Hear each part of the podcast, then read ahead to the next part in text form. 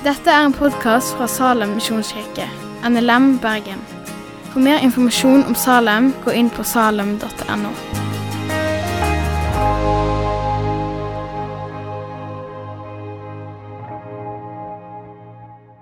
Vi skal begynne med eh, Efeserbrevet i dag. Eh, dette har jeg gleda meg veldig til. Et brev som handler om å være i Kristus. Eller Kirkebrevet, som det blir kalt. Det står masse om kirke i Efeserbrevet. Og Det er litt av grunnen til at jeg tenkte det har jeg lyst å snakke om i Salem på søndager. Å gå gjennom et brev der det står hva er kirke Hva vil det si å være kirke? Og Det kommer vi til utover høsten. Men de av dere som har med Bibelen, kan finne fram Bibelen eller mobilen og, og, henge med på teksten der. Vi skal være i Efeserbrevet 1. Og det er litt sånn, Når eh, jeg sitter og forbereder taler på lørdagen, går vi gjennom Galaterbrevet, og på søndagen Efeserbrevet nå, så sitter jeg hjemme av kontor og nesten litt sånn sjølantenne. Eh, for jeg syns det er så ufattelig dypt. Det er litt sånn, og Når vi skal gå gjennom Efeserbrevet 1 i dag, så er det litt som å drive arkeologisk utgraving med en tannbørste og så har vi en halvtime på oss. Knapt nok det. Og det er litt sånn den problemstillingen en står i når en skal tale om så dype tekster. Men jeg har lyst til å gi dere et verktøy eh, nå i starten av serien eh, om Efeserbrevet, sånn at dere kan hjem og kanskje lese sjøl og prøve å forstå litt mer av hva det egentlig som står i dette brevet fra Paulus til efeserne. Og Efeserbrevet er egentlig et rundskriv. Det er ikke bare til efeserne. Sannsynligvis er det noe som Paulus har skrevet til mange menigheter. Og faktisk, i, Hvis en går langt tilbake i mange manuskripter, de eldste manuskriptene, der mangler leddet 'til efeserne', eller 'i Efesos'. Det vil si at det er skrevet litt seinere til en stor menighet i Efesos som kanskje forvalta det brevet, og som hadde ansvar for det brevet. og Derfor ble det Efeserbrevet. Men sannsynligvis er det sendt til flere menigheter. Eh, sammen med en kar som var venn med Paulus, og som reiste rundt med brev, delte det ut til menigheter og fortalte hvordan Paulus hadde det i fengsel. For Paulus skrev dette når han satt i fangenskap. Og Efesos den vet vi veldig veldig mye om. den menigheten i Efesos. Faktisk en av de i Bibelen vi vet aller mest om. Fordi Du kan lese om det i apostelgjerningene, kapittel 18-20. Du kan lese om det i Efeserbrevet.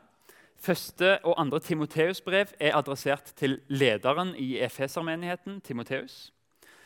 Åpenbaringen 2 der finner vi et brev til Efesermenigheten. Johannesbrevene 1, 2 og 3 de er skrevet i Efesos til andre menigheter. Og Johannes evangeliet er sannsynligvis skrevet i Efesos. Så Da vet teologer ganske mye om hvordan var denne menigheten. Hva tradisjoner eller hva var det som var viktig for denne menigheten. Og Efesos var en av de viktigste byene i Lille-Asia. Et stor by med et gigantisk tempel, som var et av de syv underverker. Og den Byen lå midt i handelsrutene både nord og sør, øst og vest. Så den lå perfekt til en sånn havneby. Og Der drev de på i det tempelet og tilba Artemis, eller Diana, en fruktbarhetsgudinne. Eh, og sølvsmedene i byen de tjente seg søkk rike på å selge små modeller av denne gudinnen. Og Den businessen den leid og sleit når Paulus kom til byen og begynte å forkynne evangeliet. sa dere trenger ikke tro på disse gudene her og kjøpe stein og tilbe en stein. Dere har en levende gud. Det endte opp med at alle de som drev med den businessen, de, det ble et opprør, en demonstrasjon mot Paulus. Så Det kan dere lese om i apostelgjerningene. Men Paulus har skrevet dette brevet til menigheter i Asia. Fordi det var en del synkretisme. altså De blanda religioner. Litt romerske religioner, litt greske, litt kristendom, litt andre kulter. og Så blanda de det til en salig, salig ting, og så, og så ble det bare et rør. Og Så sendte Paulus et brev for å oppsummere kristendommens budskap. En systematisk utleggelse av kristen tro og kristen oppførsel. Og Det er det Efeserbrevet er.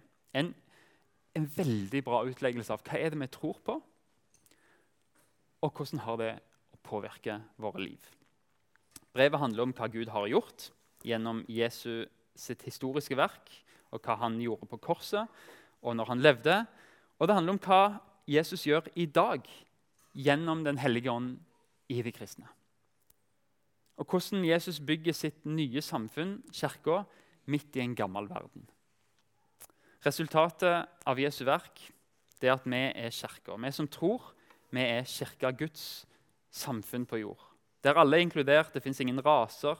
Det er Guds Faders familie, det er Jesu Kristi, Hans Sønns legemes kropp og Den hellige ånds tempel og bosted. Det nye som Gud har gjort, det skal leves ut i menigheten. Og det skal gjøres kjent, klart og tydelig med vårt nye liv. Og det, det Paulus skriver om dette på en måte som er veldig viktig i dag. Eh, en strålende kombinasjon av kristen lære og kristne plikter. Kristen tro og kristent liv. Hva Gud har gjort gjennom Kristus, og hva vi skal gjøre som en konsekvens av det. Og Det, det ser vi i Efeserbrevet. Det er veldig tydelig delt opp i to deler. Det får vi opp på skjermen her.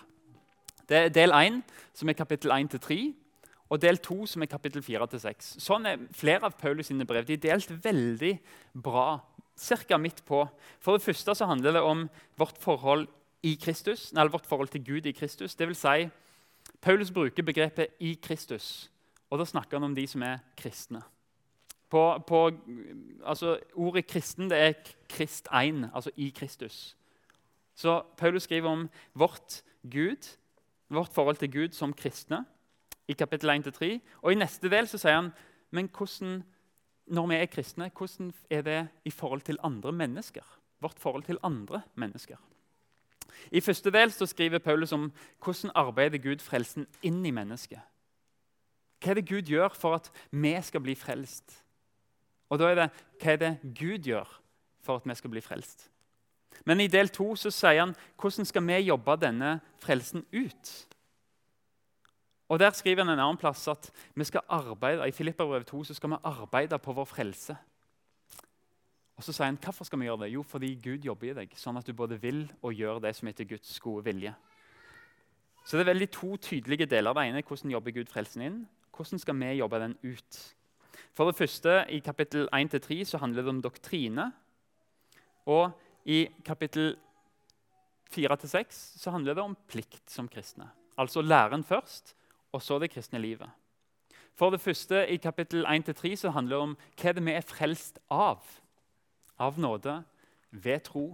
Men i del to så er det hva er det vi er frelst for. Når vi er frelst, hva er det vi skal gjøre da? I første del så handler det om frelse, eller rettferdiggjørelse. Og I andre del så handler det om helliggjørelse. I første del handler det om frelse, i andre del om respons. I første del handler det om tilbedelse, i andre del handler det om anvendelse. I første del handler det om Guds inngripen i våre liv, og i andre del handler det om vår vandring som kristne. I det hele tatt, Første del handler om den vertikale dimensjonen, oss og Gud. Hvordan er det Gud sørge for at relasjonen mellom mennesker og Gud er i orden. Og i del to hva er det Gud gjør, hva er det vi skal gjøre for å leve sammen som kristne, men òg med verden.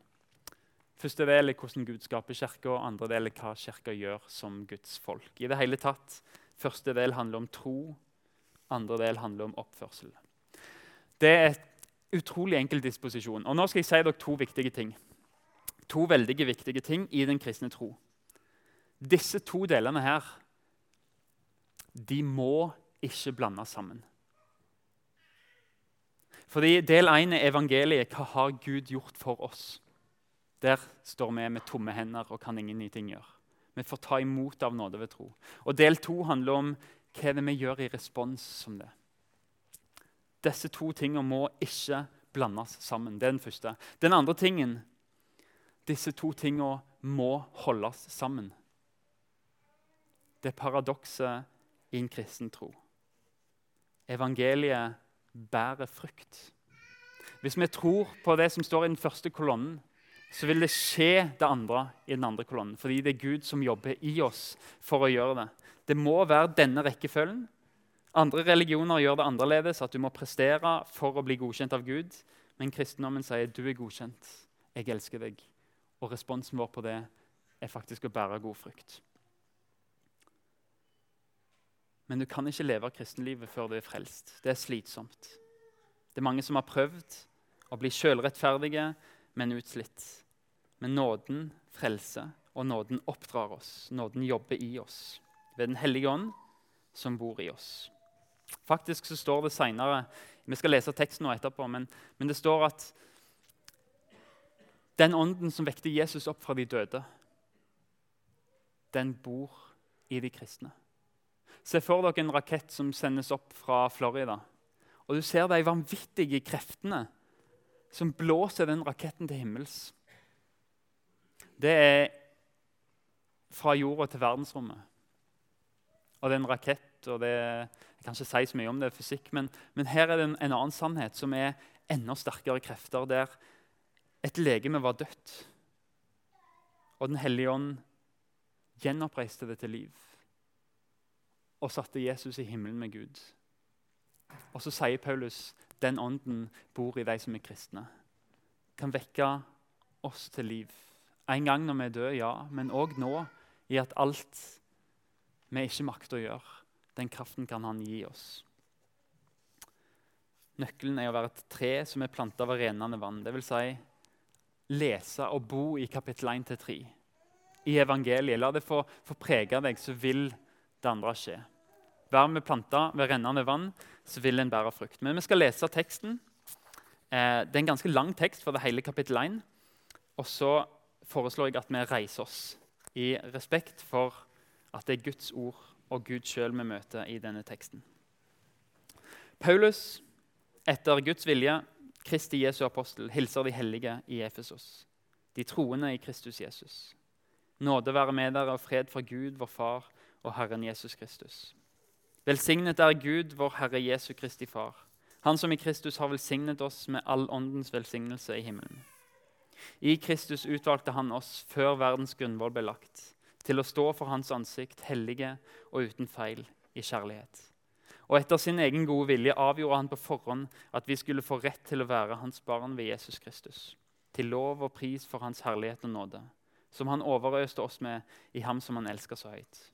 I ham har vi friheten, kjøpt med hans blod, tilgivelse for syndene. Så rik er Guds nåde, som han har latt strømme over oss med all visdom og forstand, da han kunngjorde for oss sin viljes mysterium, det han gjerne ville gjøre i ham.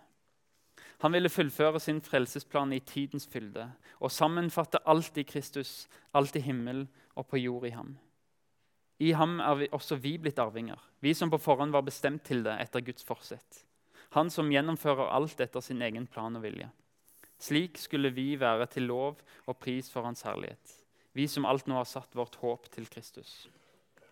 I ham kom også dere til tro, da dere hørte sannhetens ord, evangeliet om deres frelse. I ham ble dere merket med seilet, Den hellige ånd som var lovet oss. Ham som er pantet på vår arv, inntil Guds eget folk ble satt fri, til lov og pris for Hans herlighet. Hellig Far, Ditt ord er sannhet. Jeg ber om at du helliger oss i din sannhet. La dette få være ord til tro og ord til liv. Ord til å leve på og ord til å dø på, Herre Far. Amen. Da skal dere få se dere. Egentlig så kunne jeg bare gitt dere denne teksten og gått, for denne er så dyp at alle som leser denne, kan se ufattelige, mysteriøse sannheter som trøster og som bygger opp. Så det blir å plukke opp noen momenter egentlig i denne teksten. Og så kanskje vil jeg gjerne oppmuntre dere som familie, som ektepar, kollektiv, bibelgruppe eller enslige å bruke Efeserbrevet og lese det. Hvis du oppdager noe i løpet av høsten som du tenker wow, så kom og snakk med oss, og del det gjerne med hele forsamlingen. La oss lese det sammen og dele det som vi finner her. Paulus skriver helt i starten at han er Jesu Kristi apostel og helser de hellige i Efesos. Og så sier han nåde være med dere og fred fra Gud, vår Far og Herren Jesus Kristus. Nåde. Grekerne brukte det mye og sa må gudenes favør være med deg. Det er Jødene brukte fred, og de sa shalom, må helhet være med deg. Paulus tar disse og så knytter han de sammen så sier han i Kristus Jesus så får du fred med Gud. I Kristus Jesus så får du Guds frie, frelsende initiativ. Og han legger begge hilsenene sammen så sier han det er dere grekere tror på, det dere jøder tror på. Alt sammen er sammenfatta i Jesus. Det er han som kan gi fred. Det er han som kan gi nåde. Og så sier han dette begrepet da, 'i Kristus', som går gjennom hele Efeserbrevet. Det betyr at du er personlig, at du er vitalt forent med Kristus, med Jesus. Som ei grein er på vintreet, som et lem er på legemet, så er du i Jesus. Og dermed er du òg i hans kropp, i kirken. Det er umulig å være en del av legemet uten å ha forbindelse med både hodet, som er Jesus, det kommer vi til senere, og lemmene, som er andre kristne. Når du kommer til Jesus, så blir du frelst, og han gir deg nådens gave, som er evig liv. Og fred og kjærlighet. Men vi glemmer ofte at Gud gir oss noe mer når vi blir frelst. Vi glemmer at han faktisk gir oss et fellesskap å få vokse i. Og Det er det Efeserbrevet snakker om, og det bruker så utrolig store ord om menighet og kirke. Og jeg tror Vi som er lavkirkelige, vi har fort ei felle å gå i når vi ser at menighet ja, det er greit, men den personlige relasjonen til Jesus som er viktig. Og det er helt sant, Men av og til så tror jeg vi glemmer hvor stort Bibelen ser på kirke. Og der er Feserbrevet enestående. Du har fått et fellesskap i Salem eller andre plasser der du måtte gå, og det er en del av frelsen. Det er noe av det Gud gir oss når vi blir frelst. Vi kan høre av og til Jesus si at du vil komme til å miste mange relasjoner. Hvis du tar imot meg, så må du forsake mange, men jeg gir deg mer igjen. Denne tida av evigheten og i evigheten. Du skal, få, du skal få mødre og fedre og søsken. Hvis du ser rundt deg, så er det Jesu oppfyllelse av det han sier. Du skal få det. Du skal få en familie, og jeg setter deg inn i en menighet når du tar imot meg. Og Så sier Paulus til de i Efesos du er i Kristus, du er kristen. Men så sier han òg til de hellige i Efesos. Og så sier Paulus du har to heimer. Du Du som tror på Jesus. Du er i Kristus, men du er òg her på jord, her i verden. Og mange av våre åndelige problemer de oppstår fordi vi husker ikke det. Vi kan veldig fort tenke at vi er her i verden og være så opptatt av bare det som er her, og bekymre oss og være redd for hvordan skal jeg komme meg videre til neste dag. Men så glemmer vi av og til at Men der oppe har jeg et håp som hjelper meg gjennom alt det jeg lider her. Så vet jeg at jeg har en krans i himmelen, som, Paulus, som Peter skriver om. Du er i Efesos, du er i Kristus. Du er i Salem. Nei, du er i Bergen, og du er i Kristus. Begge to er din identitet, men vi skal holde dem sammen. Vi skal holde dem sammen.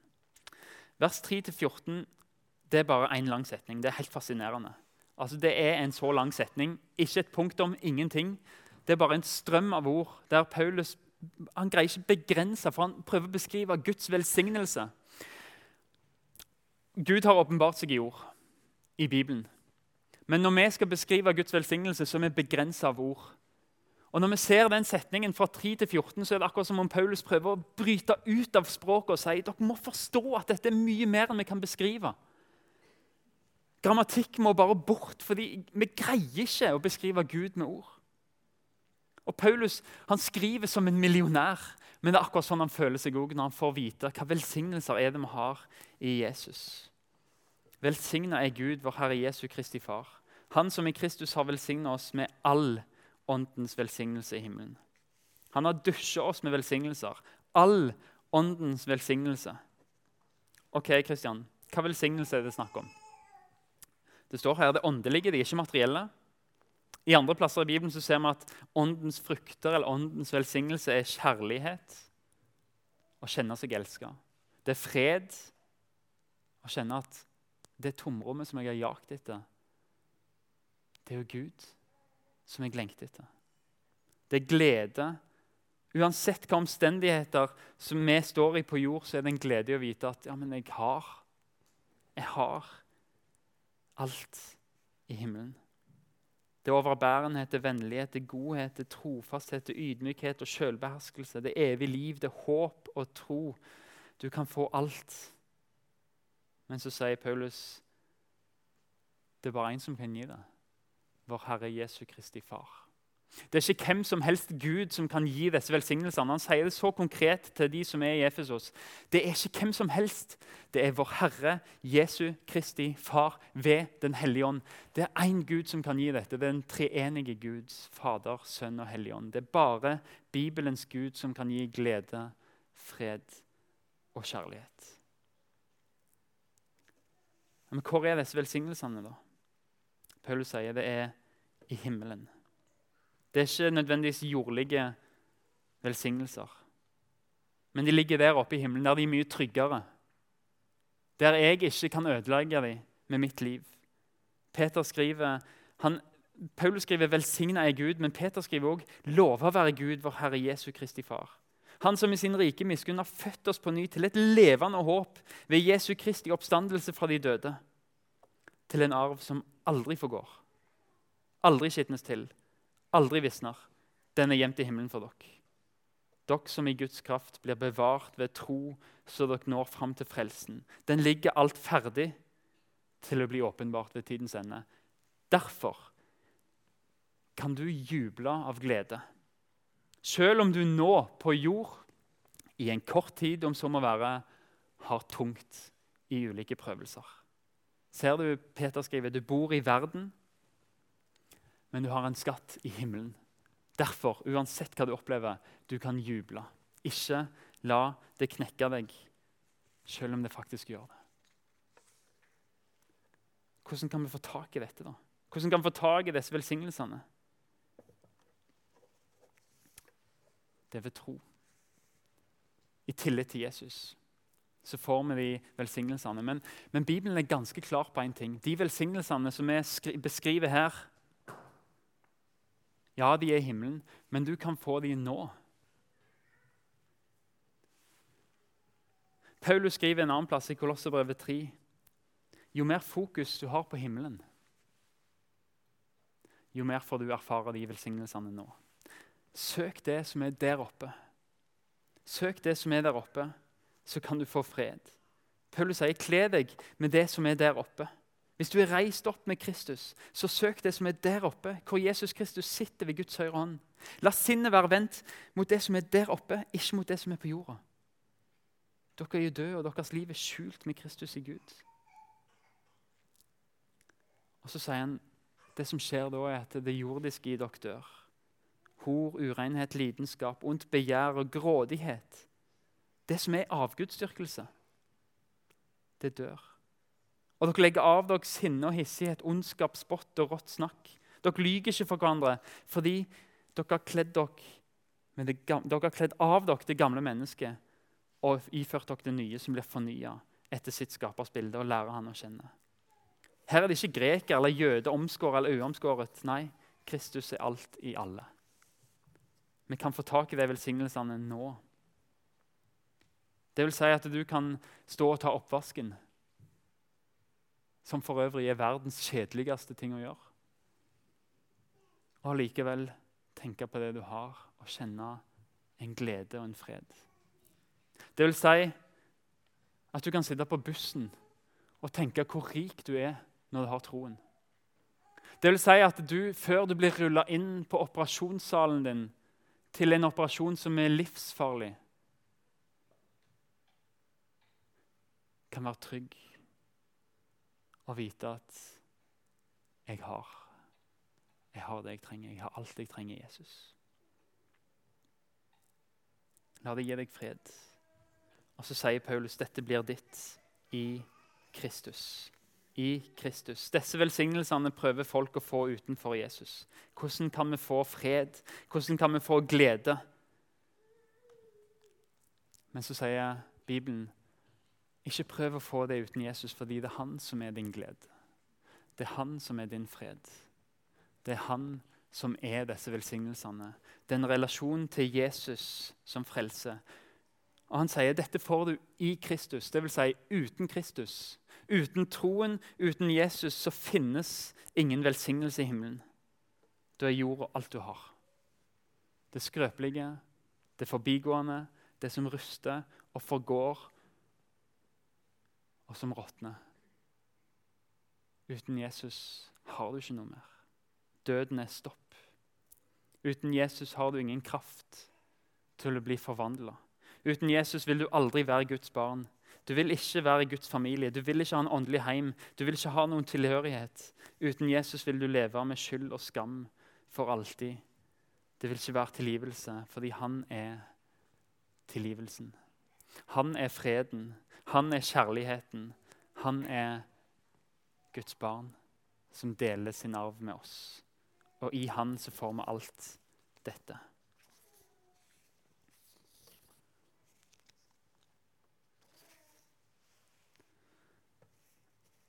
Helt til slutt så leste vi to begrep. I ham er dere også kommet til tro, da dere hørte sannhetens ord, evangeliet om deres frelse. I ham ble dere merket med seilet, Den hellige ånd som var lovet oss, han som er pantet på vår arv, inntil Guds eget folk blir satt fri, til lov og pris for Hans herlighet. Her er to begreper som er utrolig viktige for oss som er kristne. Det gjelder Den hellige ånd, og så sier Paulus at han er seilet, han er panten på vår arv. Og Når han, Paulus sier at Den hellige ånd er seilet, så, så tar han oss til markedsplassen. Så sier han at hvis du kjøpte en slave, så merka du han med et seil. Det betydde han er din. Du merka en slave når du kjøpte han for å vise hvem er det det tilhører. Og Hvis du kjøpte noe annet som var for stort til å ta med hjem, eller noe som tok tid å ta med hjem, så tok du og betalte, og så tok du en bit med voks og smelta og la det på den tingen du hadde kjøpt, og så planta du seilet ditt på, og så sa du dette er mitt. Ingen det er kjøpt, det er betalt, ingen kan ta det fra markedsplassen. Jeg skal hente det når tiden er inne. Gud forsegler oss med Den hellige ånd. Han gir oss Den hellige ånd, som overbeviser oss om synd som viser oss Jesu nåde, og som gir oss troen på Jesus. Og som gir oss en gave til å høre til i fellesskapet. Og så sier Gud at når du har Den hellige ånd, så er det bevis på at du er min. En dag så skal jeg komme, og jeg skal hente det som er mitt. Alle skal vite at du er min, og jeg skal hente deg. Og Så bruker han òg ordet pant, som er garanti. Hvis du bestilte 20 sekker korn, og betalte på markedet, så ville du få én sekk korn med deg hjem. Og Det var et depositum, det var første nedbetaling. Du hadde den ene sekken som en garanti på at de siste 19 de kommer til å komme.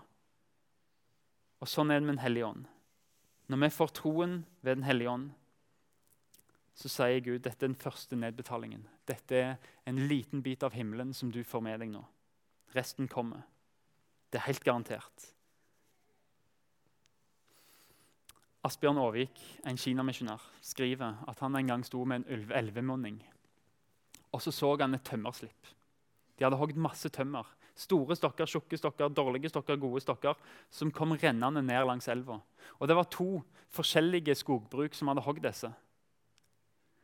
Og For å skille det så hadde de merka det med sitt seil i hver eneste stokk.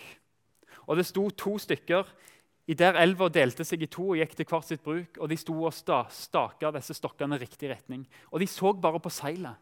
Hva seilet mitt, hva seilet hans? Og så dytta de. De krangla aldri. Det er min stokk, det er min stokk, den er dårlig, men den er min. Den er god, den er hans. De krangla ikke, for de så seilet.